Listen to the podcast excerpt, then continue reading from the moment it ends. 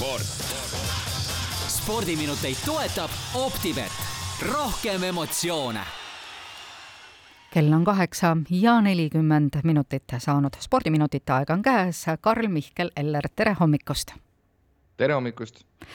no tänaseid spordiminuteid, ma arvan, peame alustama sellise kriitilise ja mureliku noodiga, kõik, mis puudutab ähm, Eesti praegust esinaistennisisti Kaia Kanepit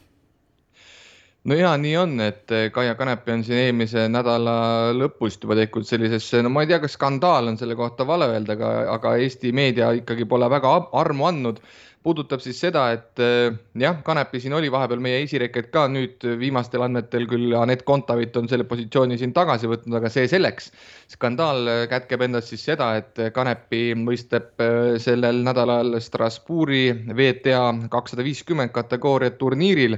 ja võistleb seal no lisaks üksikmängule ka paarismängus, aga koos venelanna Anželina Kabujevaga ja noh, teadupärast ikkagi see, et Eest, Eesti ja eestlased ikkagi üldjuhul Vene lipu all või Vene sportlastega sellist koostööd väldivad, siis Kanepi on selles vallas praegu ikkagi suur-suur erand ja halvas mõttes. ja see ei ole ju nii, et nüüd ma ei tea, pandi nad lihtsalt loosi tahtel kokku ei, see ei ole niimoodi, et eh, tegelikult eh, Kanepi,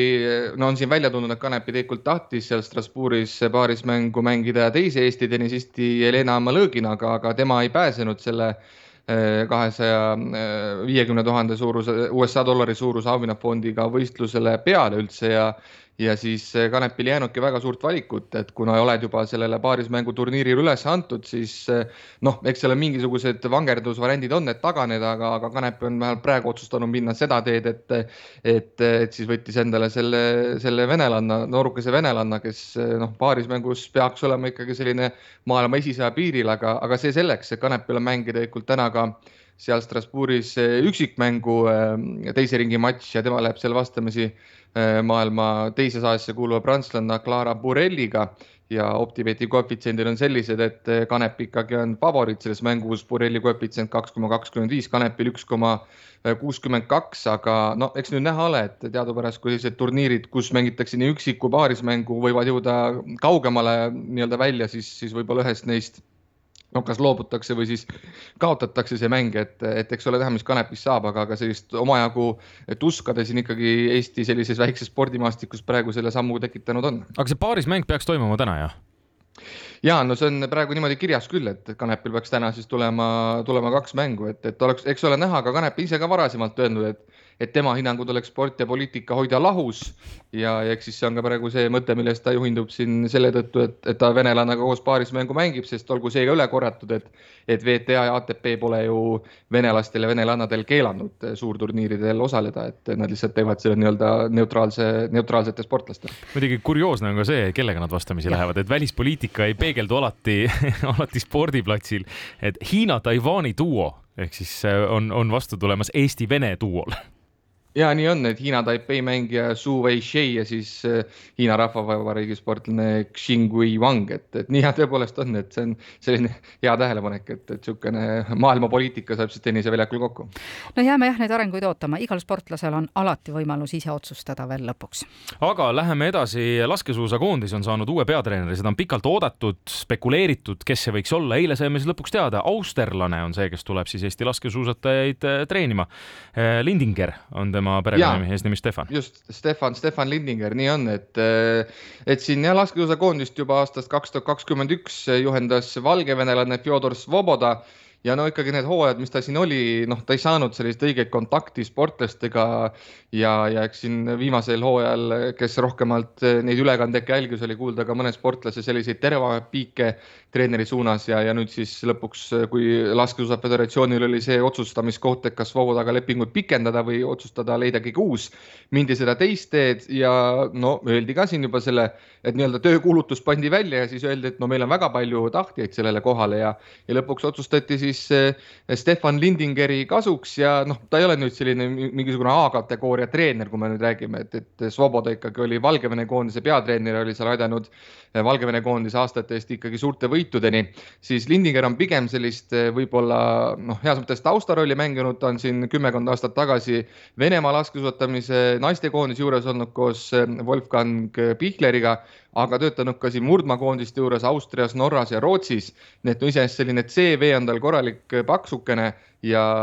Laskesuusa Föderatsiooni spordidirektor Kauri Kõiv ütles ka, et eh, miks just valiti siis Lindinger nendest kõikidest kandidaatidest välja on just nimelt tema selline teadustaust, et mees on ikkagi väga-väga kõrgelt siin haritud ja, ja öeldigi, et kuna kogu see laskespordimaailm ikkagi eh, liigub rohkem teaduslikku rada mööda, et siis on otsustatud ka Eestis seda teed minna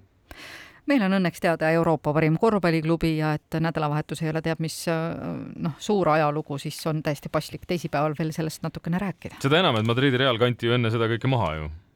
just täpselt, et Madridi Real oli ju see, kes siin vaata, et see oli see kuu aega või natuke vähem tagasi, kui me rääkisime ühest Euroliiga kaklusest mm, -hmm. mis seal Belgradi partisaniga toimus, et see oligi ju Real, kes jäi seal veerandfinaalseerias kaugele-kaugele maha sellest Serbia klubist, lõpuks tuli kaotusseisust välja, läks sealt edasi Final Four ja nüüd siis pühapäeval Kaunases toimunud nelja meeskonna finaalseeria finaalmängus alistas siis Pireuse olümpiaakose seitsekümmend üheksa, seitsekümmend kaheksa, nii et nagu seisust kuulda oli, väga tasavägine see finaal oli ja ja selles mõttes tõepoolest nagu selline vanameistrite tagasitulek, et seal Realis on ikkagi neid mehi, kes on kõvasti üle kolmekümne, juba neljakümnesele vanusele lähenemas mehi on kõvasti, aga, aga näitasid ikkagi, et neil on sisu ja kuna hooaeg on ju pikk-pikk, siis kui sa suudad oma sellise tippmise vormi välja mängida viimasel kuul, siis lõpuks ongi vastuseks see auhinnakarikas. aga kodumaine korvpalli meistrivõistluste finaalseeria jätkub ju ka täna? ja, see jätkub ka täna ja ja, ja seal on praegu niimoodi, et eh, noh, kolme võiduni mängitakse sellel aastal, et siin võib-olla selline vanasem traditsioon ikka, et nelja võiduni mängida, nüüd on siin otsustatud kolmeni mängida ja esimesest mängust me siin reedel saime räägitud, see siis mängiti neljapäeval. Kalev Cramo võitis kodus seitsekümmend üks, kuuskümmend viis, täna läheb edasi asi Tartu Ülikooli spordihoones usutavasti täismaja publiku ees aga, aga ütleme, et Tartu poolel vähemalt kihlveokontorid eh, nii-öelda favoriidi koormat ei pane, sellepärast et Tartu Optibeti koefitsiendid on kolm koma üheksakümmend ja Cramol üks koma kakskümmend, nii et ähm, kuna kolme võiduni mängitakse, siis kui juhtub nii, et täna Kalev Cramo Tartut jälle võidab, siis võib juhtuda, et see seeria lõpeb juba laupäeval Tallinnas, aga, aga ma siiski loodan, et Tartu ikkagi peale selle, et näitab hambaid, võtab ka siit mõne võidu ja miks mitte ei vii seda seeriat kaugemalegi jäähokis MM-il algavad äh, siis sel nädalal nüüd äh, sellised mängud, mis hakkavad asju selgeks klaarima. ja no jäähoki MM selline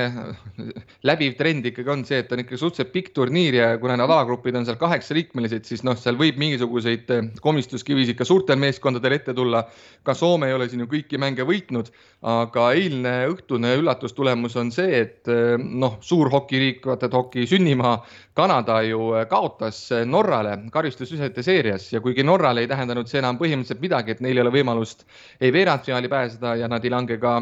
madalamal, madalamasse divisjoni mängima, siis Kanada jaoks see kaotus tähendab seda, et B-jalagrupis langeti kolmandaks, mis omakorda tähendab, et minnakse vastamisi mm, siis A-grupi esimese või teisega, ehk siis neil tuleb vastu kas Rootsi või USA, kes seni on jätkanud eh, täiseduga ja noh, üllatus-üllatus, täna meil see Rootsi-USA matš ka toimub, ehk siis täna on viimane alagrupi turniiride päev ja Optibeti koefitsiendid sellised, et Rootsile üks koma üheksakümmend viis, USA-le kolm koma üks, nii et ikkagi meie läänenaabrid seatakse soosikuks ja et matši normaalaeg lõpeb viigiga, on koefitsient neli koma kakskümmend viis väga põnev, on mida jälgida. Karl-Mihkel Eller, aitäh meiega täna hommikul vestlemast ja reedel taas. Sport.